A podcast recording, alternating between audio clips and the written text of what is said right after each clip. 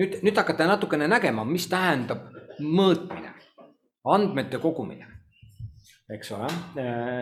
ja nüüd hakata nägema ka seda, et äh, selleks, et me saaksime mingisuguseid õigeid tulemusi, need andmed peavad olema ka õiged, mis kogudustes on. ja kuna ma olen neid andmeid nüüd ise kogunud, siis äh, see on olnud ikkagi usalduse peale, et nendel kogudustel on õiged andmed osad äh, kirikud tegid mulle võimaluse, et ma saan sisse nende nii-öelda andmekogusse digitaalselt. nii et ma läksin sinna sisse, nad andsid mulle koodid ja ma sain sealt vaadata, teised edastasid andmed, kuidas keegi. Äh, aga, aga selline see pilt on. vaatame veel mõnda niisugust natukene numbrite kogumit. siin on üks kogudus üks Eesti kogudus. ja kui me nüüd siit vaatame seda, siis mida me näeme? me näeme, et aastal kaks tuhat kolm oli liikmete arv see. jälle teeme suure üldistuse alguses ja me näeme, et aastal kaks tuhat seitseteist selle koguduse liikmete arv on see. ja kui me nüüd räägime koguduse kasvust, siis me näeme, ahaa, siin on kasv ja kui me nüüd väikese arvutuse teeme, siis me näeme, et see kasv on nelisada üheksakümmend üheksa inimest. selle neljateist aasta jooksul. okei okay., nüüd see tabel võimaldab meil natukene näha seda protsessi, kuidas aastate lõikes on toimunud liikmete arvu kasv. selles koguduses võetakse vastu liikmeid ja selles koguduses nii-öelda loetakse ristitud liikmed iga aasta, eks ole. nüüd selles koguduses loetakse lisaks ristitutele kogudusega liitunud liikmed teistest kogudustest, kes juba on ristitud, mis teeb, et sellel aastal kogudusega kokku liitus nii palju inimesi. ja niimoodi läbi iga aasta me näeme, näiteks siin on üheksateist inimest teistest kogudustest liitunud kui keegi tahab näiteks, siis võib hakata vaatama eraldi, ahaa, üheksateist liiget, siin seitseteist liiget, siin seitseteist teistest kogudustest, siin kaheksateist teistest kogudustest. ahaa, mis nendel aastatel toimus? eraldi võiks hakata vaatama, kust need inimesed tulid, võimalik, et need, see on linnakogudus, võimalik, et inimesed kolisid maalt linna. hakata vaatama, mis nende arvude taga veel on. et hakata nägema teatud dünaamikat, mis põhjustab teatud protsesse kogudustes. jah, ma ütlen niimoodi, see, see on trend Eestis. see on trend Eestis. siis liidetakse ilma ristimata need kogudused. jah, ei, mitte ilma ristimata. nad ristitute arv on sama, siin on ristitud, ristitud teistest kogudustest. ja see on see üldarv, mis siis liitus kogudusega, sest ristitud liideti automaatselt ja, see on alus, ristimine on alus, mitte see, et oi, ma palusin patusepalve kuskil tänava nurgal. onju, et mingi, mingi asi peab olema, mis nagu kinnitab seda. Need on ristitud ja siin on siis ristitute arv pluss teistest kogudustest tulnud. et siit on võimalik nagu väga palju hakata vaatama erinevaid võimalikke protsesse, mis mingitel aegadel on toimunud või ei ole toimunud. no siin on mõned andmed puudu. et aga niimoodi see andmekogumine käibki. mis kõik viitab nüüd sellele, et tegelikult kogudustes ka liikmete lugemine või ristitute lugemine või osavõtjate lugemine ongi see, mis üldse võimaldab koguduse kasvu uurida. kui andmeid ei koguta, siis meil pole midagi, midagi teha. selle konkreetse kogudusel oleks näiteks mingi Excel, oli siis peaaegu kaks tuhat inimest. ma jään selle vastuse võlgu. ma seda ei näinud ise aga need on need andmed, mida ma nägin nende nii-öelda keskusest ja mida nad veel ise ka mulle lisaks saatsid.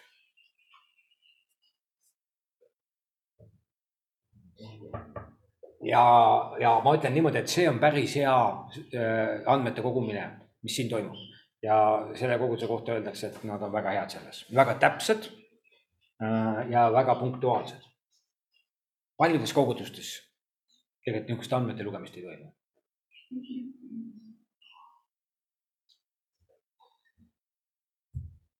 nii, nüüd ma liigun natukene edasi, ma näidan ühte teist kogudust ka, teised numbrid, eks ole. aga täpselt samamoodi äh,. Äh, samamoodi siis meil on näha siin liikmete arv kaks tuhat kolm, kaks tuhat seitseteist, see on üks väike maakogudus. kui te nüüd mõtlete, neljateist aastaga see kogudus on kasvanud peaaegu sada protsenti. see on märkimisväärne. see võib tunduda, et oh, mis see ikka nii väga on aga selle koguduse kontekstis see on väga märkimisväärne. nüüd, mida me saame vaadata? me saame vaadata seitseteist, kaheksateist, siit läheb kakskümmend. ahaa, siin on toimunud üks järsem pööre. neli liiget ühe korraga. siit läheb jälle enam-vähem ükshaaval, eks ole. ükshaaval, siin vahepeal äh, toimus äh, siis siin on jälle üks väikene jõnks justkui, aga siin on niisugune väike jõnks. et kas siin tuli üks perekond näiteks või mis seal võis juhtuda, eks ole, võib ju aimata, on ju, kui me tunneme kogudust elu. kuidas nagu, nagu see asi toimub. on ju, ja siis me näeme, et kasv, stabiilne kasv, midagi nad on teinud, et iga aasta on tulnud sellesse väiksesse kogudusse üks inimene juurde. nüüd lisaks sellele me näeme, et siin on siis ristitute arv ja me näeme, et ahaa, mõnel aastal tegelikult nad ei ole ristinud ühtegi inimest. okei okay., siis on tulnud teistest kogudustest. ahaa, selge, see kasv siit tuleb sellest, et tegelikult hoopis kuskilt teisest kogudusest inimesed liitusid. see ei olnud evangeelne kasv. eks ole, ja vaata nihukesed, nihukeste andmete vaatamine võimaldab meil hakata nägema mingisuguseid protsesse selle taga ma arvan, et enamus teist ei ole kunagi kogudusi niimoodi vaadanud. või on keegi? sina oled? oled tegelenud sellega, jah? semestril tegime koguduse uurimise sellist praktikat. nii, sellega seoses. mis aines? nagu okei okay., ja niimoodi võtsidki aastate lõikes ette, hakkasid vaatama? ei, selles mõttes, et äh, nii palju noh, kätte sain, et üldse nagu Mm Eesti kirjutuse faktoritel saate aruanne, kus nad toovad täiskogu koosolekud, seal ka samad andmed välja, et kui need kõik hakkavad kõrvutada, siis tulevad välja. ja ma tegin seda aastaid ka ja, ja no, täpselt, et see natukene nagu annab arusaamist, et ole, mis protsessid toimuvad üldse, mis suunas nagu vanker liigub. küsiks korraks. ja väikses koguduses äh, saab lugeda, kui palju reaalselt ka kogu äh, nii-öelda külastab, kas suured kogudused teevad ka sellist asja või ja mismoodi nad arvutavad, kas keegi füüsiliselt või on see armulaual käijate järgi loetakse äh,? nii ja naa, nii ja naa äh,. olles näinud näiteks Luteri kiriku andmeid, nemad loevad ka kohalkäijaid äh,. osad loevad ümardatult, mitte väga täpselt, aga nii ümardatult aga mõned loevad ka väga täpselt. meie näiteks, äh, kui ma olin Toompea koguduses, siis äh, me lugesime väga täpselt, meil said inimesed vihaseks, pahaseks, sest meil oli inimene, kes käis pühapäevalise teenistuse ajal nii-öelda ringi erinevates kohtades ka, lastetoabas ja kus iganes, luges kõik üle. meil oli inimene, kes said maru vihaseks selle peale, mis, mis ma ei tea, antikristliku asjaga te siin nüüd tegelete et piiblis on lugemine hukka mõistetud ja jumal mõistis selle täiesti hukka, ei kõlba mitte kuskile. ühesõnaga, mida iganes. Äh, et selles mõttes äh, on väga erinevaid arusaamu sellest, et me loeme.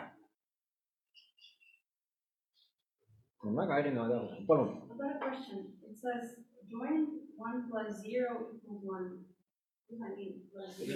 You mean here? Uh, well, anywhere, on the top or there, or two plus zero, Why- is it plus zero? Two plus, One plus zero, like when it says, uh, one plus zero equals Ah. one. it means that uh, nobody from other churches. Oh, Yeah. okay. It's nothing in that sense. Mhm. Yeah.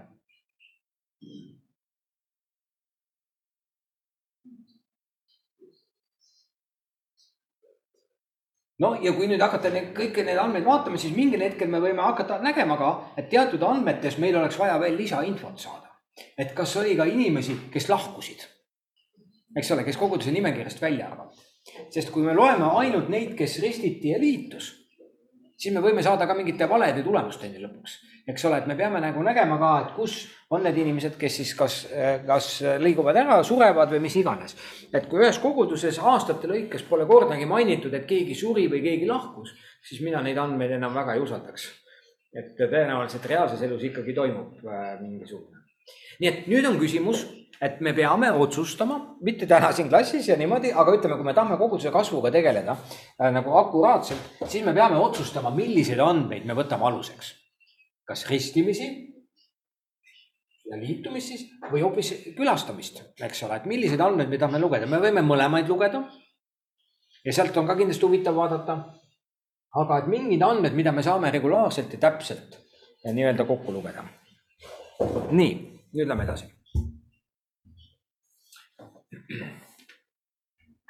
siin on EKP liit ehk Eesti Baptisti Liidu mõned kogudused ja ma lihtsalt näitan teile äh, nagu nende mõnede koguduste, neid kogudusi on rohkem, mis nendel kasvavad, aga mõned kogudused siin, et milline on liikmete arvu erinevus. ja need on need kasvavad kogudused.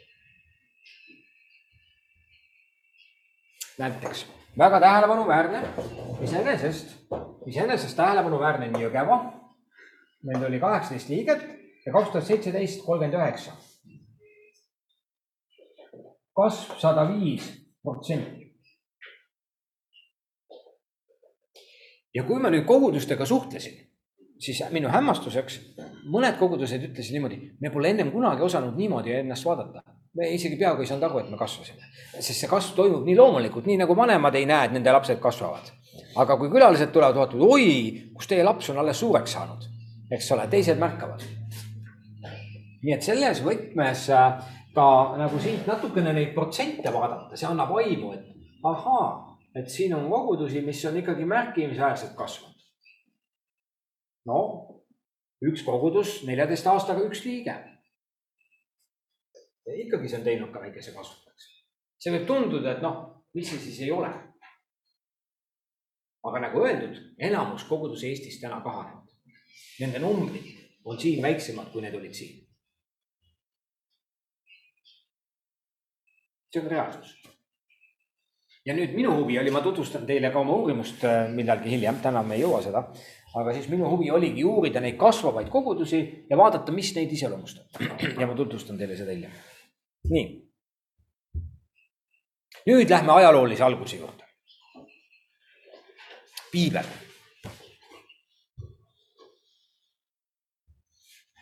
esimene, kui me räägime nüüd kogu kristluse nii-öelda alguspunktist, eks ole, siis Jeesus kutsus omale kaksteist jüngrit. siis me evangeeliumites näeme juba viiteid, et nendest kaheteistkümnest oli kasvanud seitsekümmend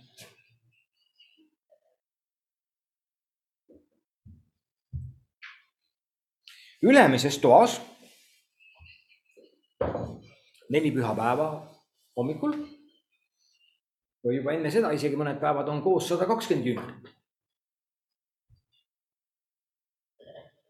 nüüd, sada kakskümmend jüngrit on koos pärast Jeesuse surma. ja seda segadust, mida see tekitas, mis ütleb seda, et jüngrite arv kasvas vaatamata segadusele, mis Jeesusega toimus sest Jeesuse surm tekitas segadust. Need sada kakskümmend pidid olema päris tõsised selles, et nad seal üleval, üleval toas tahavad istuda.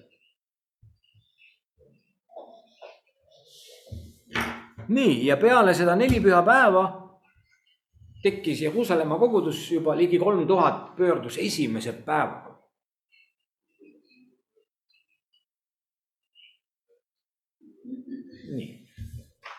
See kolm tuhat.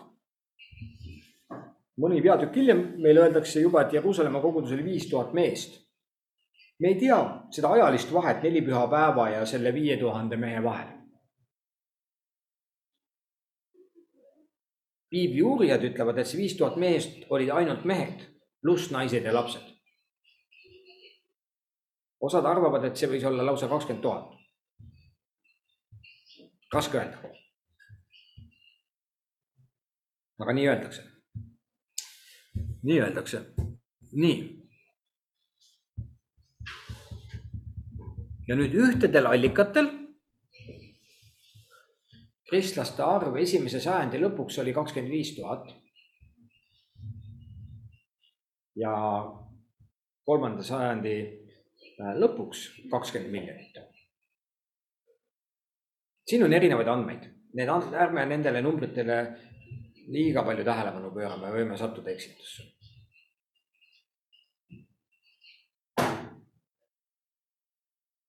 aga piibli viited on selged. kogudus kasvas, eks ole, see on meile kõigile nagu arusaadav. kogudus kasvas. nüüd Apostlite tegude raamatus me näeme kasvufaase. mäletate Apostlite tegude üks kaheksa? Kas keegi teab peast?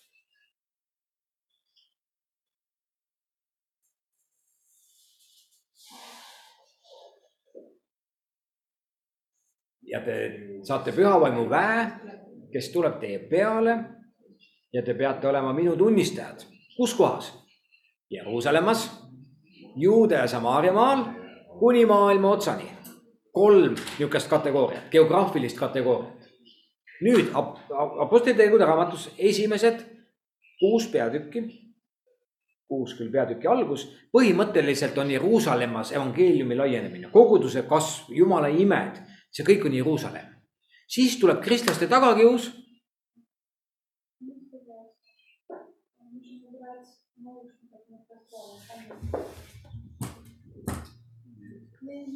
ei, ära võtta, see välja lülitada vist tehtud, aga Spasiba.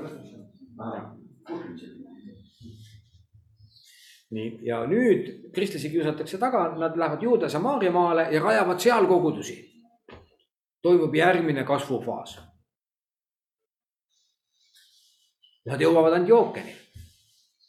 tekib Antiookia kogudus järgmine kasvufaas. siis tekib Aasia, see tähendab Türgi, tänane Türgi territoorium. Kreeka kuni Rooma. et seda kõike on võimalik Apostlite tegudes näha nagu süstemaatiliselt, kuidas Luukas seda kasvu esitab.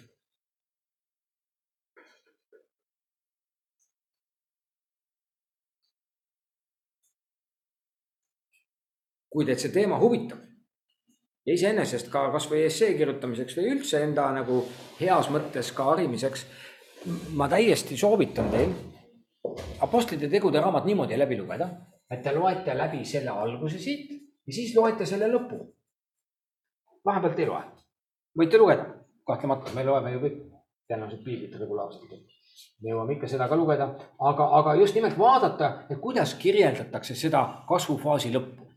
kuidas kirjeldatakse seda ja kuidas seda, kuidas seda, kuidas seda ja me näeme, me hakkame nägema teatud süsteemsust, me hakkame nägema teatud ülesehitust.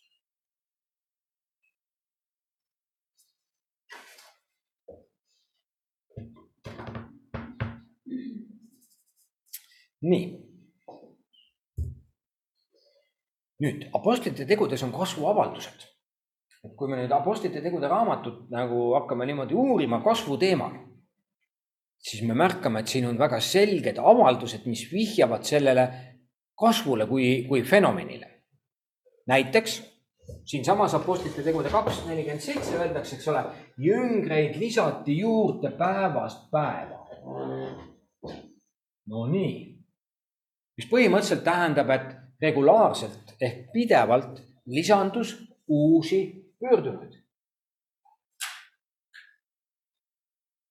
siin öeldakse meile uuesti, suurel hulgal lisandus. Jüngrite arv kasvas. Nonii, kogudus kasvas. jumala sõna kasvas. kogudus kasvas. issanda sõna kasvas ja levis tugevalt no kui ma seda loen, minul tekiks kiusatus, et Apostlite tegude raamatu nimi võiks olla koguduse kasvu ajalugu või midagi niisugust. sest põhimõtteliselt see on seda. Loomulikult see on missiooni ajalugu ja me võiks palju erinevaid pealkirju sellele Apostlite raamatule panna, eks ole. aga, aga me näeme, et kasv oli algkoguduse nagu loomulik osa ja Luukas väga selgelt näitab seda.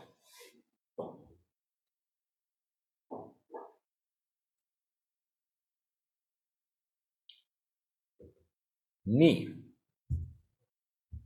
ja nüüd me jõuame selleni, mis siin ennem oli küsitud kiriku ajaloos, keskajal, kuidas see koguduse kasv oli ja mismoodi. nüüd, nüüd ma tahan anda teile väikese ülevaate siis kiriku ajaloo etappides, äh, kuidas seda koguduse kasvu siin me peaksime siis vaatama. Need, need kolm etappi, mida ma käsitlen, on järgmised.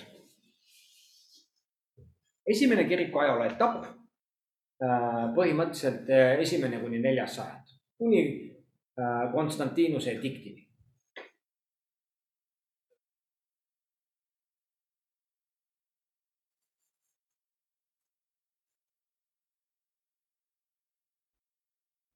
Siis toimus see augustiinlik pööre ja seejärel nüüd kristluse valitsus koos poliitilise võimuga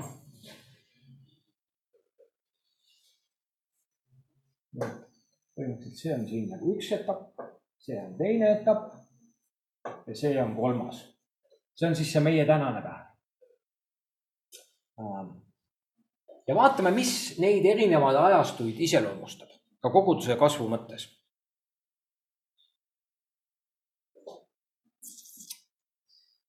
Nii. siin on üks teine äh, nii-öelda äh, esitlus selle kohta, kuidas äh, nii-öelda kristlaste arv esimestel sajanditel võis kasvada.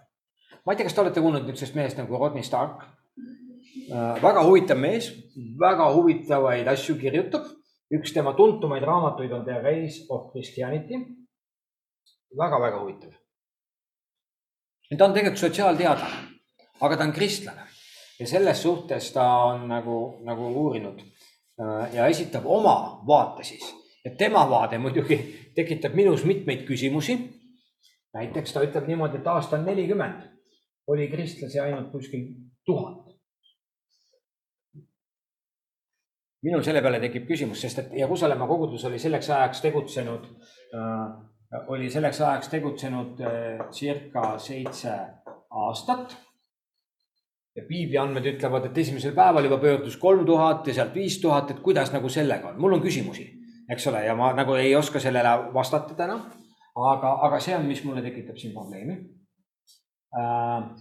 siis ta ütleb, et aastaks sada kristlasi võis olla umbes nii palju.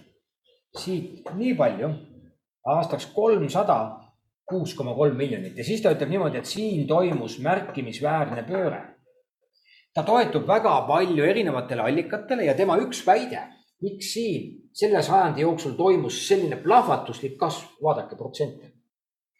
Miks see toimus, on sellepärast, et umbes aastal kakssada viiskümmend hakati ehitama esimesi nii-öelda hooneid, mida meie täna mõistame kirikutena.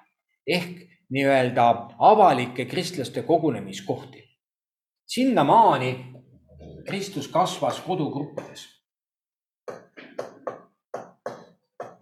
grupid ja siin tulid nii-öelda kirikud ja ta ütleb, et väga palju arheoloogiat just viitab sellele, et sellel ajastul toimus plahvatuslik kirikute ehitus. ja see põhjustas kristluse leviku, sest et Kristus läks ühiskonda. Kui sa oled kodugrupis, sa ei lähe ühiskonda, sul on vaja ühiskonda jõuda, eks ole, ja nüüd ta ütleb niimoodi, et kirikute ehitamine põhjustas selle siin. ja siis ta ütleb niimoodi, et pärast seda, kui Konstantinuse nii-öelda riigi kristluse riigikirikuks saamine toimus, siis selle tulemusena kasvas kristlus veel viis korda viiekümne aasta jooksul. mis on arusaadav selles mõttes, et ainukene viis nii-öelda äh, normaalset ühiskonna osa olla, oli siis olla kiriku liige. ja siit hakkas tekkima väga palju ka nimekristlust. ühesõnaga, et ollakse lihtsalt formaalselt kristlased, mitte enam tegelikult oma südames ja oma pühenduses. no vot, nii et kui seda teemat hakata uurima, siis te võite leida ka niisuguseid allikaid eks ole, ja nüüd on küsimus, kuidas me siis piiblit ja neid allikaid kõike koos tõlgendame. Ähm, mina ei oska sellele täna vastata. aga. Kas tema jälle jõudis ajaloos kaugemale ka, et kas näiteks palju nagu see kõrgrännaku rahvastus on? ma ei ole kõiki tema teoseid lugenud ja ma jään hetkel isegi vastuse võlgu, kas ta sellest on kirjutanud. võimalik, et on, otsige Rodney Starki kohta raamatuid, te leiate üksjagu. Amazonist leiab, sealt saab raamatute sissevaateid teha, ühesõnaga saab natuke jälile, et kas sellel teemal võiks midagi olla. mina vähemalt niimoodi uurin neid asju.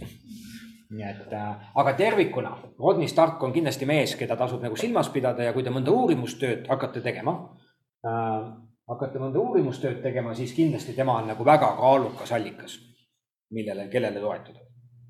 kui nagu midagi ajaloos või, või sotsioloogias ja ütleme ka kristlikus sellises äh, sotsiolo-, kristlikus äh, äh, käsitluses sotsiaalvallas, siis, siis tema on kindlasti nagu hea, hea allikas.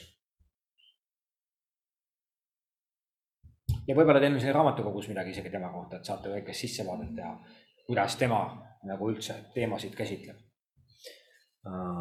tema räägib hästi palju, erinevad raamatud, ta räägib just Uue Testamendi kristlusest, ta räägib näiteks, kuidas evangeelium levis linnades Äh, milline oli tolleaegne linnade kultuur äh, ja, ja kuidas evangeeliumit anti edasi. Äh, ta teeb väga huvitavaid conclusion eid, ma täna praegult siin teile seda ei esita, aga ta teeb väga huvitavaid conclusion eid näiteks selle kohta või kokkuvõtteid ka oma uurimuste põhjal, et mis siis põhjustas Kristuse kasvu ja nii edasi, et see on, see on nagu väga põnev. nii. Äh,, nüüd ma tahaks anda teile veel ühe grupitöö. Ja see grupitöö oleks ka, me oleme ikka veel praegult hetkel nagu selles mõttes selle algkristluse juures, aga ma tahaks anda teile grupitöö Ehvesuse neljanda peatüki kahe salmi põhjal. ja me teeksime, ma teeks samad grupid, ma arvan, nii on kõige lihtsam hetkel. et äh, teil on piiblid kaasas, tõenäoliselt see kirjakoht ei ole väga võõras et äh, minu palve on, et te võtaksite selle kirjateksti lahti ja grupis siis püüaksite vastata nendele kahele olulisele küsimusele. Need viis juhtimisrolli, tähendab, need viis juhtimisrolli on seal kirjeldatud, eks ole, või nimetatud, kirjeldatud ei ole. Äh, et äh, ja nüüd ma tahan just, mida te teeksite. ma tahan, et, ma tahan, et nendel kolmel ajajärgul analüüsiksite, et milliseid nendest viiest rollist mingitel aegadel on olnud, millised on olnud esiplaanil. ja millised on olnud nagu domineerivad nii-öelda nendest viiest äh, juhtimisrollist. nii et pidage seda meeles ja siis siit.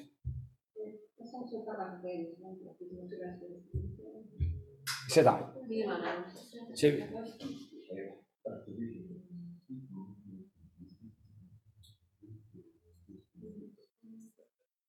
põhimõtteliselt ütleme niimoodi laias mõttes keskaeg, kuigi ta läheb keskajast välja. eks ole, aga põhimõtteliselt peame silmas seda, et Kristus valitses koos poliitilise võimuga.